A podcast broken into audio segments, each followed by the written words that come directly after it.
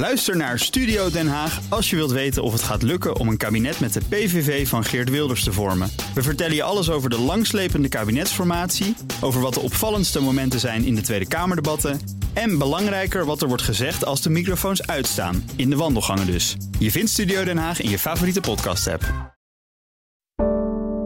Een goedemorgen van het FD. Ik ben Luc van den Berg en het is dinsdag 2 mei.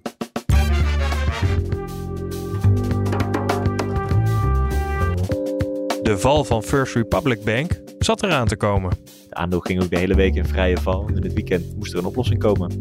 Rijke mensen zetten hun woning liever niet op funda. Dus ze willen wel een mooi huis, maar ze willen eigenlijk niet dat, dat iedereen zo bij ze naar binnen kan kijken. En flitsbezorger Getir wil een van de laatste concurrenten overnemen. En dat gaat de klant merken. Ja, meestal worden producten waar een soort monopolie op heerst niet goedkoper. En dat geldt ook voor diensten. Dit is de dagkoers van het FD. Zakenbank JP Morgan Chase neemt de First Republic Bank over. En dat is daarmee de derde Amerikaanse bank in nog geen twee maanden die ten onder is gegaan. Correspondent in de Verenigde Staten Leonard Sandbergen vertelt wat JP Morgan Chase daarvoor betaald heeft. Dat is uh, moeilijk te zeggen wat ze er precies voor betalen. In ieder geval gaat er nu 10,6 miljard van JP Morgan naar de FDIC. Dat is zeg maar de Amerikaanse overheid, dat depositogarantiestelsel, dat dit soort gevallen banken onder behandeling heeft. Maar goed, er zitten tegelijkertijd ook wel weer een aantal dingen in. Als er heel veel slechte leningen nog in blijken te zitten, dan krijgt JP Morgan daar nog wat voor gecompenseerd. First Republic had 30 miljard gekregen van een aantal banken, waaronder JP Morgan, om die balans een beetje te stutten. Nou, dat geld moet weer terug naar al die banken. Morgan Chase maakt nu wel wat meer geld over dan die 10,6 miljard, maar daarvoor krijgen ze ook wel eigenlijk een uh, best wel grote bank terug. Hoe is First Republic Bank zo in de problemen gekomen? Ja, het is een uh, domino-spelletje eigenlijk. Eerst kwam Silicon Valley Bank natuurlijk in de problemen. Dit was eigenlijk de bank die het meest op Silicon Valley Bank leek qua balans. Uh, ze hebben heel veel hele rijke klanten, hele vermogende particulieren vooral. Daaraan hadden ze heel veel hypotheken verstrekt tegen hele lage rentepercentages. Dat zijn allemaal miljoenen leningen. Dus ja, ondertussen is de rente veel hoger. Dus dan zijn die leningen ook eigenlijk veel minder waard. En ondertussen, uh, ja, al die vermogende particulieren, die hebben ook veel geld op de bank staan. Allemaal ook een stuk meer dan wat er wordt beschermd onder het depositogarantiestelsel. En dan op het moment dat er dan ook maar een klein beetje paniek ontstaat rond zo'n bank, kiezen veel klanten er toch voor om het zekere voor het te nemen, dat geld daar weg te halen. Ja, dat bleek eigenlijk ook al uit de laatste jaarcijfers van First Republic Banken. Ja, ze hadden cijfers over het eerste kwartaal. Die kwamen vorige week. En uh, nou ja, toen werd al duidelijk dat particulieren eigenlijk zo'n 100 miljard hadden weggehaald bij de bank. Er zijn maar weinig banken die daar uh, goed mee om kunnen gaan. Ze hadden dat deels dan weer gecompenseerd door uh, ja, eigenlijk hele dure leningen aan te trekken. dus daar betaalden ze heel veel rente over. En ja, en als je veel rente betaalt als bank, dan wordt het ook heel moeilijk om nog winst te maken. Toen hadden ook eigenlijk alle beleggers en analisten al wel zoiets van ja, dit kan niet overleven op deze manier. Het aandeel ging ook de hele week in vrije val. En in het weekend moest er een oplossing komen. Ja, en voor het weekend werd eigenlijk al duidelijk hè, dat First Republic Bank niet meer verder kon. Wat heeft de FDIC toen gedaan? Ja, wat er dan gebeurd is, dat de FDIC naar een aantal banken toe is gegaan met de vraag van, uh, hey, uh, willen jullie die bank niet overnemen? Nou ja, dat is eigenlijk niet echt helemaal een vraag. Dat is meer een soort eis. En als de toezichthouder dat soort dingen vraagt, dan uh, wordt in ieder geval van je verwacht dat je er heel serieus naar gaat kijken. Dus nou ja, een aantal grote banken die zijn ook het hele weekend bezig geweest met kijken hoe die bank er nou voor stond. Wat voor risico's er nou op die balans zaten. Doorrekenen wat ze er dan voor zouden kunnen betalen. En uiteindelijk was JP Morgan dan de partij die het, in ieder geval het minste overheidssteun daarbij vroeg. Ja, je zei net zelf al, hè? First Republic Bank lijkt wel de volgende domino-steen in een reeks. Nou ja, nu zijn er dus drie banken in de afgelopen twee maanden geweest. Kunnen we nou nog meer ja. verwachten? Ja, dat is natuurlijk moeilijk te zeggen. Iedereen die er verstand van kan hebben, die roept nu heel hard uh, dat alles nu helemaal goed is en dat dit gewoon nog één uh, bank was en dat het meer een soort gevolg was van wat er vorige maand gebeurde. Dus kun, als je toezichthouder bent, dan kan je natuurlijk ook niet echt iets anders zeggen. Of als jij de CEO bent van JP Morgan, dan ga je ook niets anders zeggen. Maar goed, als je tegelijkertijd ook kijkt naar hoe het er op de beurs vandaag voor staat. Het is niet zo dat al die andere middelgrote banken, die nadat Silicon Valley Bank ten onder ging, ook allemaal heel hard uh, in koers daalden. Het is nu niet zo dat die weer allemaal zo onderuit knallen. Dus het lijkt er wel op dat in ieder geval beleggers iets meer gerustgesteld zijn dan dat ze een maandje geleden waren. Dure woningen staan lang niet altijd op funda. Ze worden bewust buiten het zicht van de massa verkocht. En daar zijn dan ook weer speciale makelaars voor. Woningmarktredacteur Nelleke Trappenburg liep een dag mee met zo'n makelaar. Ze vertelt waarom deze huizen niet gewoon op Funda staan. Ja, ik ben inderdaad met een makelaar meegelopen ehm, die regelmatig huizen via stille verkoop, zo heet dat, eh, verkoopt. En de redenen die hij aangaf, uh, ja, vanwege de veiligheid. Ehm, het gaat vaak om wat duurdere huizen.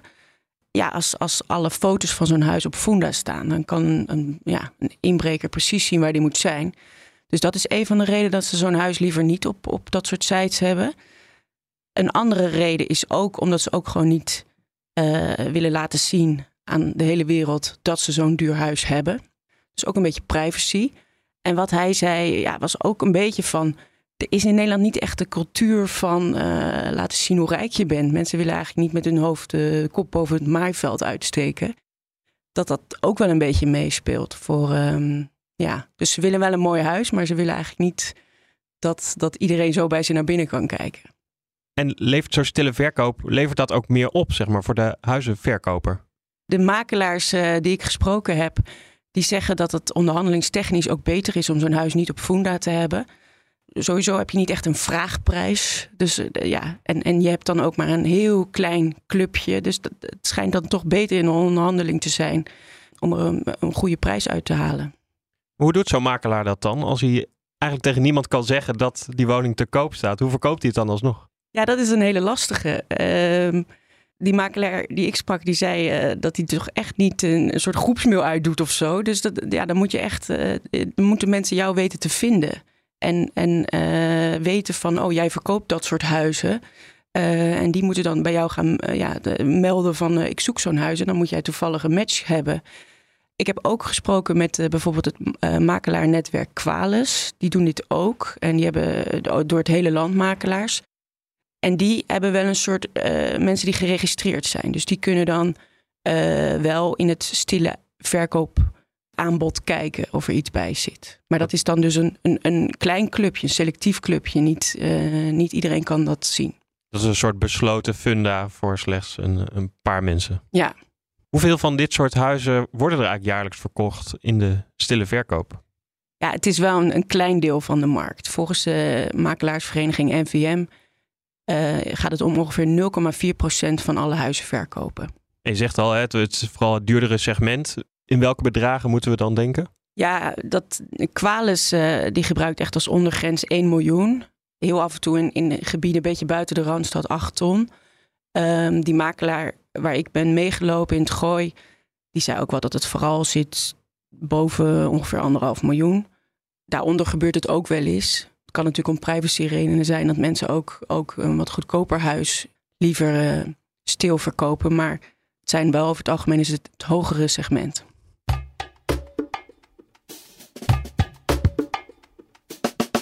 Flitsbezorger Getir wil weer een grote concurrent overnemen. Eind vorig jaar nam het al Gorilla's over en nu moet ook het Duitse Flink ingelijfd worden. Je hoort retailredacteur Jan Braaksma. Hij vertelt dat het niet duidelijk is hoeveel Getir voor de concurrentie wil betalen. Nou, dat is best, ingewikkeld, want uh, Flink is een, een verlieslatend bedrijf. En normaal gesproken waardeer je een bedrijf op x keer de winst. Nou ja, dat kan niet als je verlieslatend bent, dus dan moet je kijken naar de omzet. Nou ja, wat die is weten we niet. Enige referentiepunt dat we eigenlijk hebben is dat er een alternatief scenario op tafel ligt. Dat is namelijk dat Flink voor 100 miljoen dollar nieuwe, uh, ja, nieuw geld krijgt van zijn bestaande aandeelhouders. En dat het bedrijf daarna iets meer dan een miljard waard zou zijn. Dus je kan zeggen, als het alternatief is, je bent een miljard waard, nou, dat een koper dan in ieder geval meer dan een miljard uh, op tafel uh, zal moeten leggen. Nou, daarmee is het ongeveer in de, in de orde van grootte die uh, Getir eind vorig jaar heeft betaald voor Gorilla's. Dat was 1,2 miljard, het meeste in aandelen. Dus ja, zo'n soort orde van grootte zal het, lijkt, het op, lijkt het op uit te komen. En hoe groot is de kans dat deze deal ook echt dan plaats gaat vinden? Ja, dat, dat is best wel lastig in te schatten van buiten. Kijk, er, ligt dus, er wordt dus gewerkt aan een alternatief scenario. Maar het is wel duidelijk dat, er, dat de nood bij, bij Flink ja, behoorlijk hoog is. Uh, je zag dat eerder ook bij Gorilla's. Uh, dat soort zwaar verlieslatende bedrijven waren tijdens de pandemie heel erg in trek bij investeerders. Dus die stopten er allemaal honderden miljoenen euro's in. Nu is de rente hoger. Ja, en uh, denken investeerders ineens, ja, die heel snel groeiende bedrijven geef ons maar iets wat een beetje steadier is. Iets wat nu winst maakt in plaats van misschien over vijf jaar. Dus de geldkraan is eigenlijk dichtgegaan bij dit soort bedrijven. Dus het is veel moeilijker voor ze om die grote verliezen te laten uh, te, te leiden. Ze moeten eigenlijk in één keer een, een draai maken naar winst. Ja, dat kan heel lastig.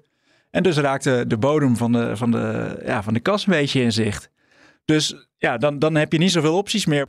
Ja, Flink heeft dus de bodem van de schatkist gevonden. Getir blijkbaar dan nog niet. Waarom, waarom willen zij graag die overname dan niet? Nou, A, uh, Getir is het gewoon een paar keer vaker gelukt om geld op te halen. Dus die hebben gewoon wat meer ja, speelruimte.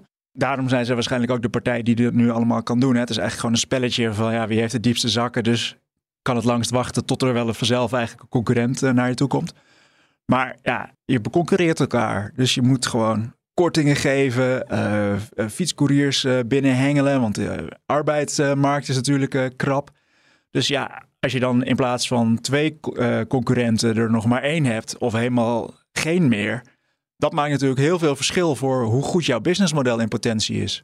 En wat gaat dit betekenen voor klanten? Gaan die zo meteen dan de hoofdprijs betalen omdat er nog maar één partij is? Ja, meestal worden producten waar een soort monopolie op heerst niet goedkoper. En dat geldt ook voor diensten. Dus wat je in, in bezorg, de bezorgmarkt in zijn algemeenheid de afgelopen tijd hebt gezien, is dat je vaker moet betalen om uh, dingen bezorgd te krijgen. Dus of het nu een pakketje is of uh, een maaltijd. Ja, of dus je, je boodschappen binnen 10 minuten. Daar moet vaker voor betaald worden dat ze gaan zien, ja, als je de enige bent, dan hoef je dus niet meer kortings, met kortingsacties te strooien om uh, je klanten van de concurrent weg te lokken. En je kan ook gewoon wat meer voor je producten vragen. Dus ja, uh, als een, een, een sixpack bier een, voor een euro meer, ja, als jij de enige bent die dat aanbiedt, ja, waarom niet, zou je bijna zeggen. Twee jaar geleden had ik het idee dat ik wel alle kleuren fietsen door de straten zag, uh, zag fietsen. Ja. nu blijft er dan dus maar één over. Wat is er in die markt dan helemaal gebeurd? Ja, een paar dingen. Dus eerst het, durfkapitaal dat is opgedroogd doordat de rente omhoog is gegaan. Uh, en het tweede is dat de, ja, de echte ja, de corona, corona-pandemie is er nog wel officieel hè, volgens de WHO, maar in praktijk merk je dat niet meer. Dus in de tijd waarin die flitsbezorgers allemaal heel groot werden, zaten wij met z'n allen best vaak thuis. Supermarkten gingen een tijdje wat eerder dicht. Hè? Misschien herinner je dat nog wel. Dus je, als je na achter, geloof ik, of zes ja, kwam. Zes soms wel. Zes, ja, dan, dan had je een probleem. Dus ja, als je dan stond te koken en je dacht, ja, ik ben de slaafwinker vergeten. of ik heb geen binnenkomen. En eh, er mochten ook geen vrienden uh, langskomen. Hè, maar ik, ik ben iets vergeten. Ja, dan, dan had je weinig opties meer. Plus, uh, consumenten hadden gewoon toe wat meer te besteden. Want ja, de wereld was dicht. Je kon niet uitgaan. Je kon niet naar het restaurant. je kon heel moeilijk op vakantie. Dus Mensen hadden wat meer geld te besteden, dus gaven dat uit aan allerlei van dit soort diensten. Dus de maaltijdbezorgers deden toen heel erg goed. De flitsbezorgers, online uh, bestellen van gewone boodschappen deed het heel erg goed. Alle e-commerce deed het heel erg goed. Dus ja, ze hadden enorm de wind in de zijde, dit soort bedrijven. Ja, dan, dan zijn investeerders ook sneller bereid er geld in te steken. Dat is gekeerd. Ja, en dan zie je gewoon de domino-steentjes eigenlijk weer, weer omvallen. Het begon met Zep, een Britse uh, bezorger die wat kleiner was in Nederland en vertrok.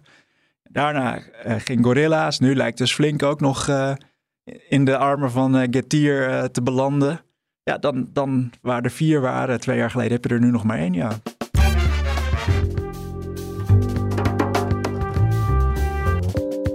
Dit was de dagkoers van het FD. Morgen zijn we er weer met een nieuwe aflevering. En vanaf nu kun je ook luisteren naar een nieuw seizoen van de podcast Achter gesloten deuren.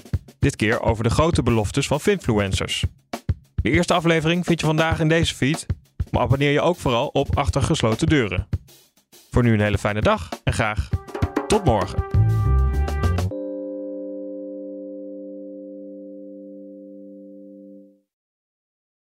Ook Diana Matroos vind je in de BNR-app. Ja, inderdaad. Je kunt live naar mij luisteren tijdens de Big Five. Ook handig in de BNR-app. Breaking nieuwsmeldingen, maar ook het allerlaatste zakelijke nieuws.